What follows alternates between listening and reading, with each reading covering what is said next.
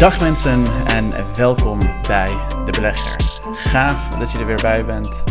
Laten we meteen beginnen, want we gaan het hebben vandaag over bear markets, oftewel dalende markten waarbij ontzettend veel paniek en dat soort zaken is. Want dat zijn de momenten waarop heel veel beleggers uh, geld verliezen, terwijl dat ook vaak de momenten zijn waarop heel veel beleggers geld zouden kunnen verdienen. Um, de, de, ze zeggen wel eens, een, uh, uh, de grootste vermogens worden vaak tijdens hele sterke dalingen gebouwd. Dus vandaag gaan we kijken naar een aantal verschillende dalingen in de markt. We gaan simpelweg kijken naar cijfers en data om te zien wat geschiedenis ons vertelt en wat gemiddeldes ons vertellen over de beurs. En is het normaal dat we zulke lange tijden zoveel rendement zien? En hoe ga je dan om met de tijden die misschien wat slechter zijn? En het is ook belangrijk dat je, zeker als je net bent begonnen met beleggen, het is, uh, het is, uh, het is heel makkelijk om een aandeel te kopen, het is heel makkelijk om wat geld te investeren en, en, en, en dergelijke tegenwoordig. Maar het is veel moeilijker om de juiste keuzes te blijven maken, dan je emoties onder controle te houden en ook gewoon echt um, de markt op een niveau begrijpen dat je zeker weet dat je door dik en dun met de markt heen gaat. Ik zeg altijd, ik ben getrouwd met de beurs. Dat betekent dus dat in goede en slechte tijden um, ik simpelweg mijn geld in de markt uh, ga hebben. En um, dat zorgt ervoor dat je dus, of althans uh, voor mij persoonlijk dan, Um, dat ik een heel goed en helder beeld moet hebben bij wat er allemaal op de beurs aan de hand is. Nou, allereerst uh, komt dat natuurlijk met ervaring. Ik ben natuurlijk al een tijdje aan uh, het beleggen, ongeveer tien jaar.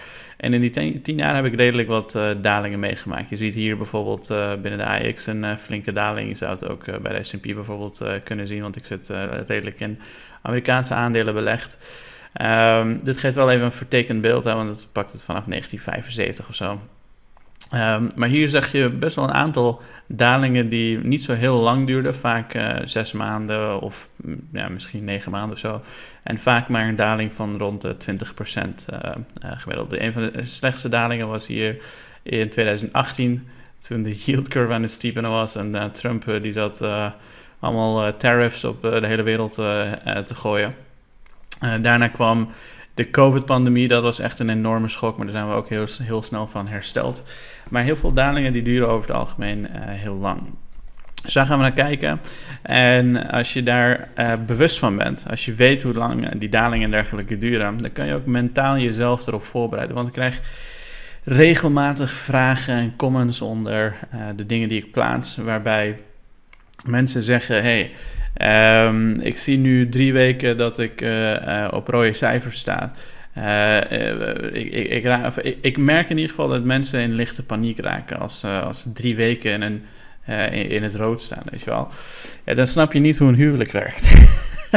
Zeker niet een, een, een, een, een, een abusive huwelijk met, met de beurs. Want um, geloof me, er zullen heel veel momenten zijn waar je onder heel veel rode cijfers komt te staan. En de allerbelangrijkste is voordat je, dat we überhaupt eh, welk cijfer dan ook bekijken, is dat je weet, voor mij persoonlijk bijvoorbeeld, ik weet dat ik met geld zit in de markt die uh, ik niet per se nodig heb. Uh, dit is geld die ik gewoon bijna ja, zo goed als eeuwig zou kunnen laten staan en er niet eens aan hoeven te komen, omdat ik aan al mijn behoeftes kan voorzien zonder dat ik uh, aan dit geld uh, hoef te komen.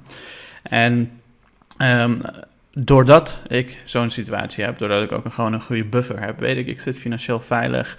Mocht er een jaar uh, van ellende op de beurs komen of mocht ik geen enkele euro meer bijverdienen of whatever. Weet je wel, als ik geen geld meer heb, dan weet ik, ik, ik, ik kan nog een jaar lang eraan werken om een baan te vinden of whatever er, er ook moet gebeuren om weer aan geld te komen. Dus ik weet, ik zit veilig. En al zou mijn portefeuille 40, 50 procent dalen, het zou mij echt geen donder uitmaken.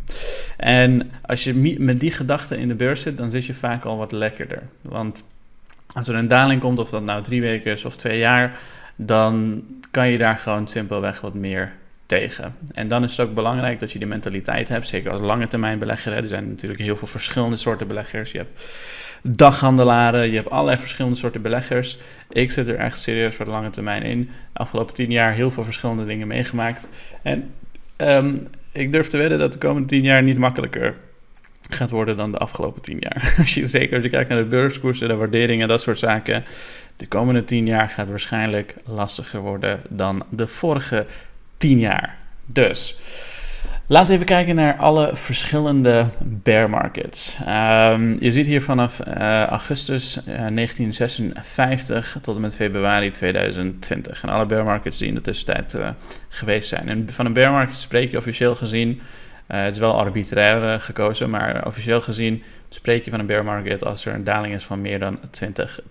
Van een correctie vaak meer dan 10%. En dat, um, ja, dat is waar we het hebben over als we het hebben over een bear market, oftewel dalende markten. Um, het allerbelangrijkste wat je hier ziet zijn twee verschillende zaken. Dus de average voor all bear markets is 12 maanden. Dus een bear market duurt gemiddeld 12 maanden. Um, de gemiddelde daling is rond de 30%. En de tijd om weer te herstellen is ongeveer 20 maanden. Dus dat is bijna twee jaar. Dus een jaar aan, aan dalingen en 20 maanden, oftewel twee jaar weer om terug te komen naar af. Dat zijn de gemiddeldes. En Natuurlijk is de ene bear market de andere niet. Je, kan ook soms bijvoorbeeld een bear market hebben in een specifieke sector, omdat het daar even wat misgaat. Bijvoorbeeld de, in 2014 of zo, ik weet niet meer precies wanneer het was, had je een, een, een, een ja, een, een, hele dikke ruzie tussen Saudi-Arabië en Rusland. Die konden niet eens worden over de olieprijzen, dus die zaten elkaar in een soort prijsoorlog te bevechten. En in die tijd zag je dat in de olieindustrie, als je gewoon een bear market van twee, drie jaar lang, weet je wel. Dus um, het, hoeft niet per se voor de gehele markt te zijn. Als het voor de gehele markt is, dan heb je vaak over een bear market en een recessie. Je ziet hier average bear market in een recessie. Recessie is als je twee um, kwartalen van economische krimp krijgt op een rij.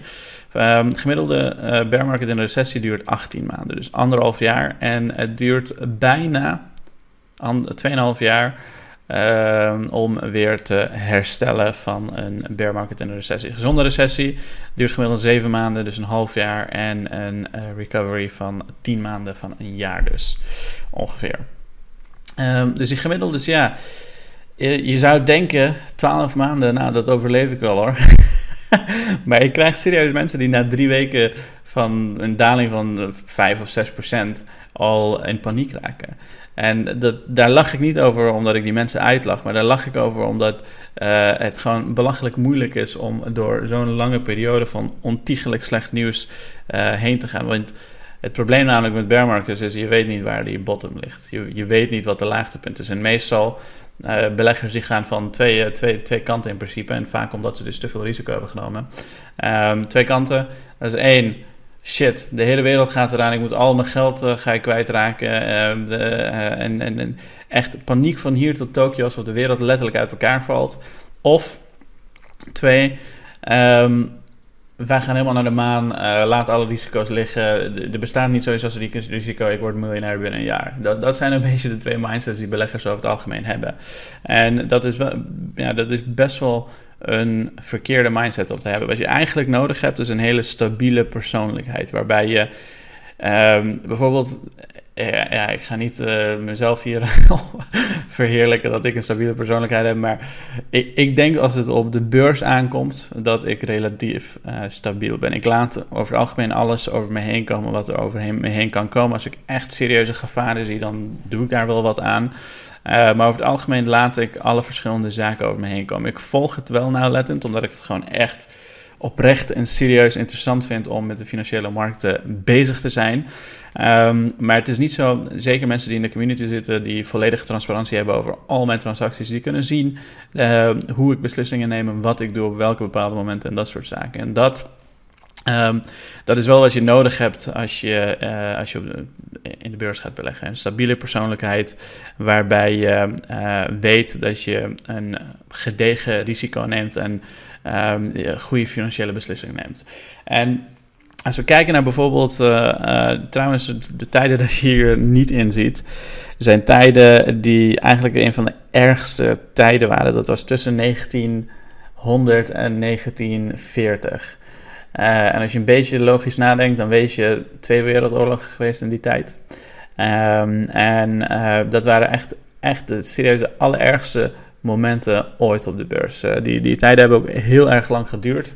Um, ik kan me even niet voor, volgens mij vier jaar lang, zelfs al vier jaar lang van bear, bear market. Um, en het was een tijd waarin de Fed het eigenlijk helemaal verkloot had. die hadden er waren best wel wat dingen mis. Volgens mij waren elektriciteitsbedrijven in die tijd enorme monopolieën geworden. Die hadden allerlei gekke constructies bedacht met leningen en noem het maar op. En die, waren, die werden uit elkaar gehaald of iets dergelijks. En de Fed die dacht, ja, wij gaan de rentes verhogen in plaats van verlagen. Um, omdat we willen dat er eigenlijk ja, dat, dat een recessie zou gezond moeten zijn in die tijd. Want dan haal je heel veel rotte appels, rotte bedrijven, die laat je eigenlijk uh, uh, liggen. Maar het probleem is dat je natuurlijk dan enorme gevolgen krijgt voor de, voor de maatschappij. En in die tijd zijn dus door dat soort Fed policy ontzettend veel banken en bedrijven gewoon helemaal failliet gegaan. Echt volledig failliet gegaan. En dat heeft ervoor gezorgd dat mensen zoals Hitler aan de macht kwamen in landen zoals Duitsland en uh, noem het maar op. Dus het heeft serieuze effecten gehad. En het hele probleem in die tijd was dus dat heel veel bedrijven gewoon ontzettende potje ervan hadden gemaakt. Al die monopolisten, al die leningen, al die onzin die erachter kwam. Uh, toen, toen, de, toen de beleidsmakers erachter kwamen, dachten ze, ja, uh, dit hadden we serieus niet zien aankomen. En dat heeft er dus voor gezorgd dat de Fed ook een verkeerde beslissing nam. En die dacht, ja, wij gaan dit klusje wel even klaren. Nou, dat hebben ze dus het niet oké kunnen doen. Het is natuurlijk niet alleen de schuld van de Fed. Er spelen op dat soort uh, dingen gewoon heel veel verschillende zaken. En een beslissing van de Fed is makkelijk om, het uh, erop, ja, om dat specifiek de schuld te geven. Heel makkelijk. Dat doen heel veel populisten ook. Maar het ligt natuurlijk veel breder dan dat. Um, maar goed, laten we even kijken naar deze declines. Je ziet bijvoorbeeld in, uh, 1956 14 maanden lang van uh, daling, ongeveer 22% uh, in de maximum. Ehm, een van de grootste dalingen was 2007 met de huizencrisis, 56%. Het duurde 17 maanden en 49 maanden om weer te, ervan te recoveren. Ehm, deze was ook wel heftig in 1973. 21 maanden lang duurde het bijna 50% en 70 maanden om te recoveren. Dus dat laat wel zien, hè, en dit is, dit is de SP 500 jongens. Dit, is, dit zijn de grootste en meest winstgevende bedrijven in de VS. Moet je je voorstellen als je, geen, als je niet de grootste en meest winstgevende bedrijven had uh, in, in die tijd uh, in je portefeuille. Want die bedrijven, niet alleen jij, maar die bedrijven moeten dus ook een hele lange periode van recessie meemaken. Waarbij iedereen, ja, het sentiment laag is. Mensen willen niet dingen, geen dingen kopen, mensen willen niet investeren. Iedereen zit een beetje in een sleur. Er is niet genoeg geld in de markt om überhaupt bepaalde dingen voor elkaar te krijgen. Um, ja, dat, dat, dat zorgt toch wel voor die bedrijven ook voor problemen. En uh, uh, je moet wel goed weten hoe de financiën van een bedrijf in elkaar zitten. Wil je zeker weten dat ze dat soort momenten kunnen overleven. Dus je wilt financieel gezonde bedrijven zonder veel schuld, met heel veel kapitaal in handen, heel veel shareholder equity, heel veel cash in handen, goede cashflow, stabiele businessmodel, al dat soort zaken. Ik ga trouwens vandaag, uh, nee, morgen. Uh, in ieder geval deze week een training uh, maken waarin ik jullie meeneem hoe ik kijk naar het selecteren en kiezen van specifieke bedrijven. Dus vooral het screenen ervan. En dan gedetailleerd naar alle verschillende facetten die belangrijk zijn om te weten hoe een bedrijf in elkaar zit. Dus check hem binnenkort komt hij live voor alle leden op debelegger.nl slash leden. Maar um, om weer terug te haken naar het verhaal. Um, uiteindelijk, ik weet niet wanneer het gaat gebeuren, maar het is on uh, ja, je, je kan er niet omheen dat er uiteindelijk ook zo'n daling uiteindelijk op de beurs komt. Het kan zes maanden duren, het kan vijf maanden duren, het kan een jaar duren, het kan twee jaar duren. Niemand weet wanneer die komt, niemand weet hoe lang het duurt. Bijvoorbeeld de COVID-pandemie heeft maar een maand geduurd. 34% daling, vijf maanden later stonden we weer uh, helemaal tip-top. Dat kun je trouwens ook zien als je mijn uh, Instagram volgt. Ik heb hier een ding gemaakt genaamd COVID Crash. Als je dat opent, dan zie je mijn portefeuille 155k. het gaat gewoon best wel hard naar beneden. 140, 137, 140, 145, 139, 142. 144. Oh, ik zie, ik zie dat we al in de recovery fase zitten. Laten we helemaal teruggaan.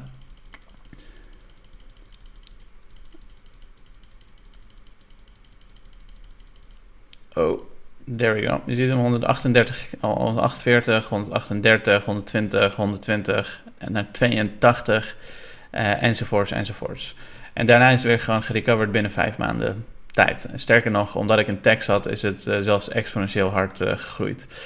Um, dus ja, jongens. Uh, ik hoop dat als je een goed beeld geeft bij hoe de beurs uh, in elkaar zit. Die grote dalingen die komen geheid. Dit is een beetje hoe je het voor je moet zien. Dat is uh, een beetje slechte, slechte kwaliteit. maar ik kan er ook niks aan doen. ja.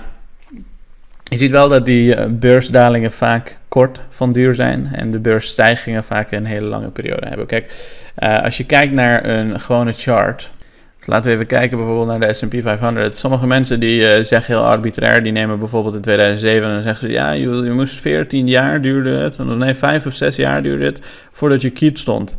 Ja, dat is als je gewoon al je geld letterlijk hier had gestopt en dan uh, hier eruit uh, had gehaald. Ja, dan is het kiet. Maar over het algemeen, slimme beleggers, wat ze doen... en dat is hoe je ook het meeste vermogen vergaart over een hele lange periode... En nogmaals, het is geen advies dat je dat moet doen, maar gewoon puur mijn mening.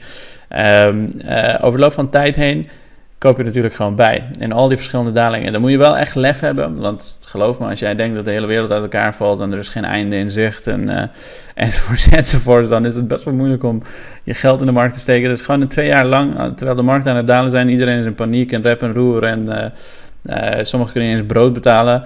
Ehm, moet je wel durven om je geld ook in de markt te zetten. Geld is ook duur in die tijd, is ook moeilijk om eraan te komen, tenzij je een goede baan hebt. Um, of in ieder geval een bepaalde vorm van inkomen. Uh, dan uh, kan je dus in die tijden gewoon massaal bijkopen. En als je dat gewoon geleidelijk over de loop van tijd heen doet, dan versterk je je rendementen en je vermogen exponentieel. Dus even een goede voorbereiding voor mensen die uh, bang zijn van bear markets, van dalingen, dat soort dingen. Er gaat gewoon een daling komen op een gegeven moment. Niemand weet wanneer. Als je naar die chart kijkt, dan weet je al, oké, we hebben al een hele post, niet een hele enorme daling meegemaakt. Tegelijkertijd zijn dit ook gewoon andere tijden, jongens. Ik bedoel, ja, laten we zeggen, de COVID-pandemie kwam. We, hebben de Spaanse griep gehad, uh, geloof ik, op een gegeven moment ergens in 19, uh, 1900 of zo. Um, maar laten we zeggen, de, de COVID-pandemie kwam ergens in 1990 of zo. Ja, we hadden we hadden niet de, de, de, middelen die we nu hebben om gewoon de economie draaiende te houden. Want de economie is volledig gedigitaliseerd. Doordat je Zoom en Teams en dat soort zaken hebt. En de meeste mensen die werken, die werken in de services-industrie. Dus je kan gewoon van het huis je werk doen. Terwijl vroeger, als, als je iets als de COVID-pandemie had, had je waarschijnlijk vier, vijf jaar van uh, miserie. Want letterlijk alle bedrijven ter wereld eh, waren dan gesloten als je vanuit huis moest werken en je had geen laptop en je had geen Zoom en dat soort zaken.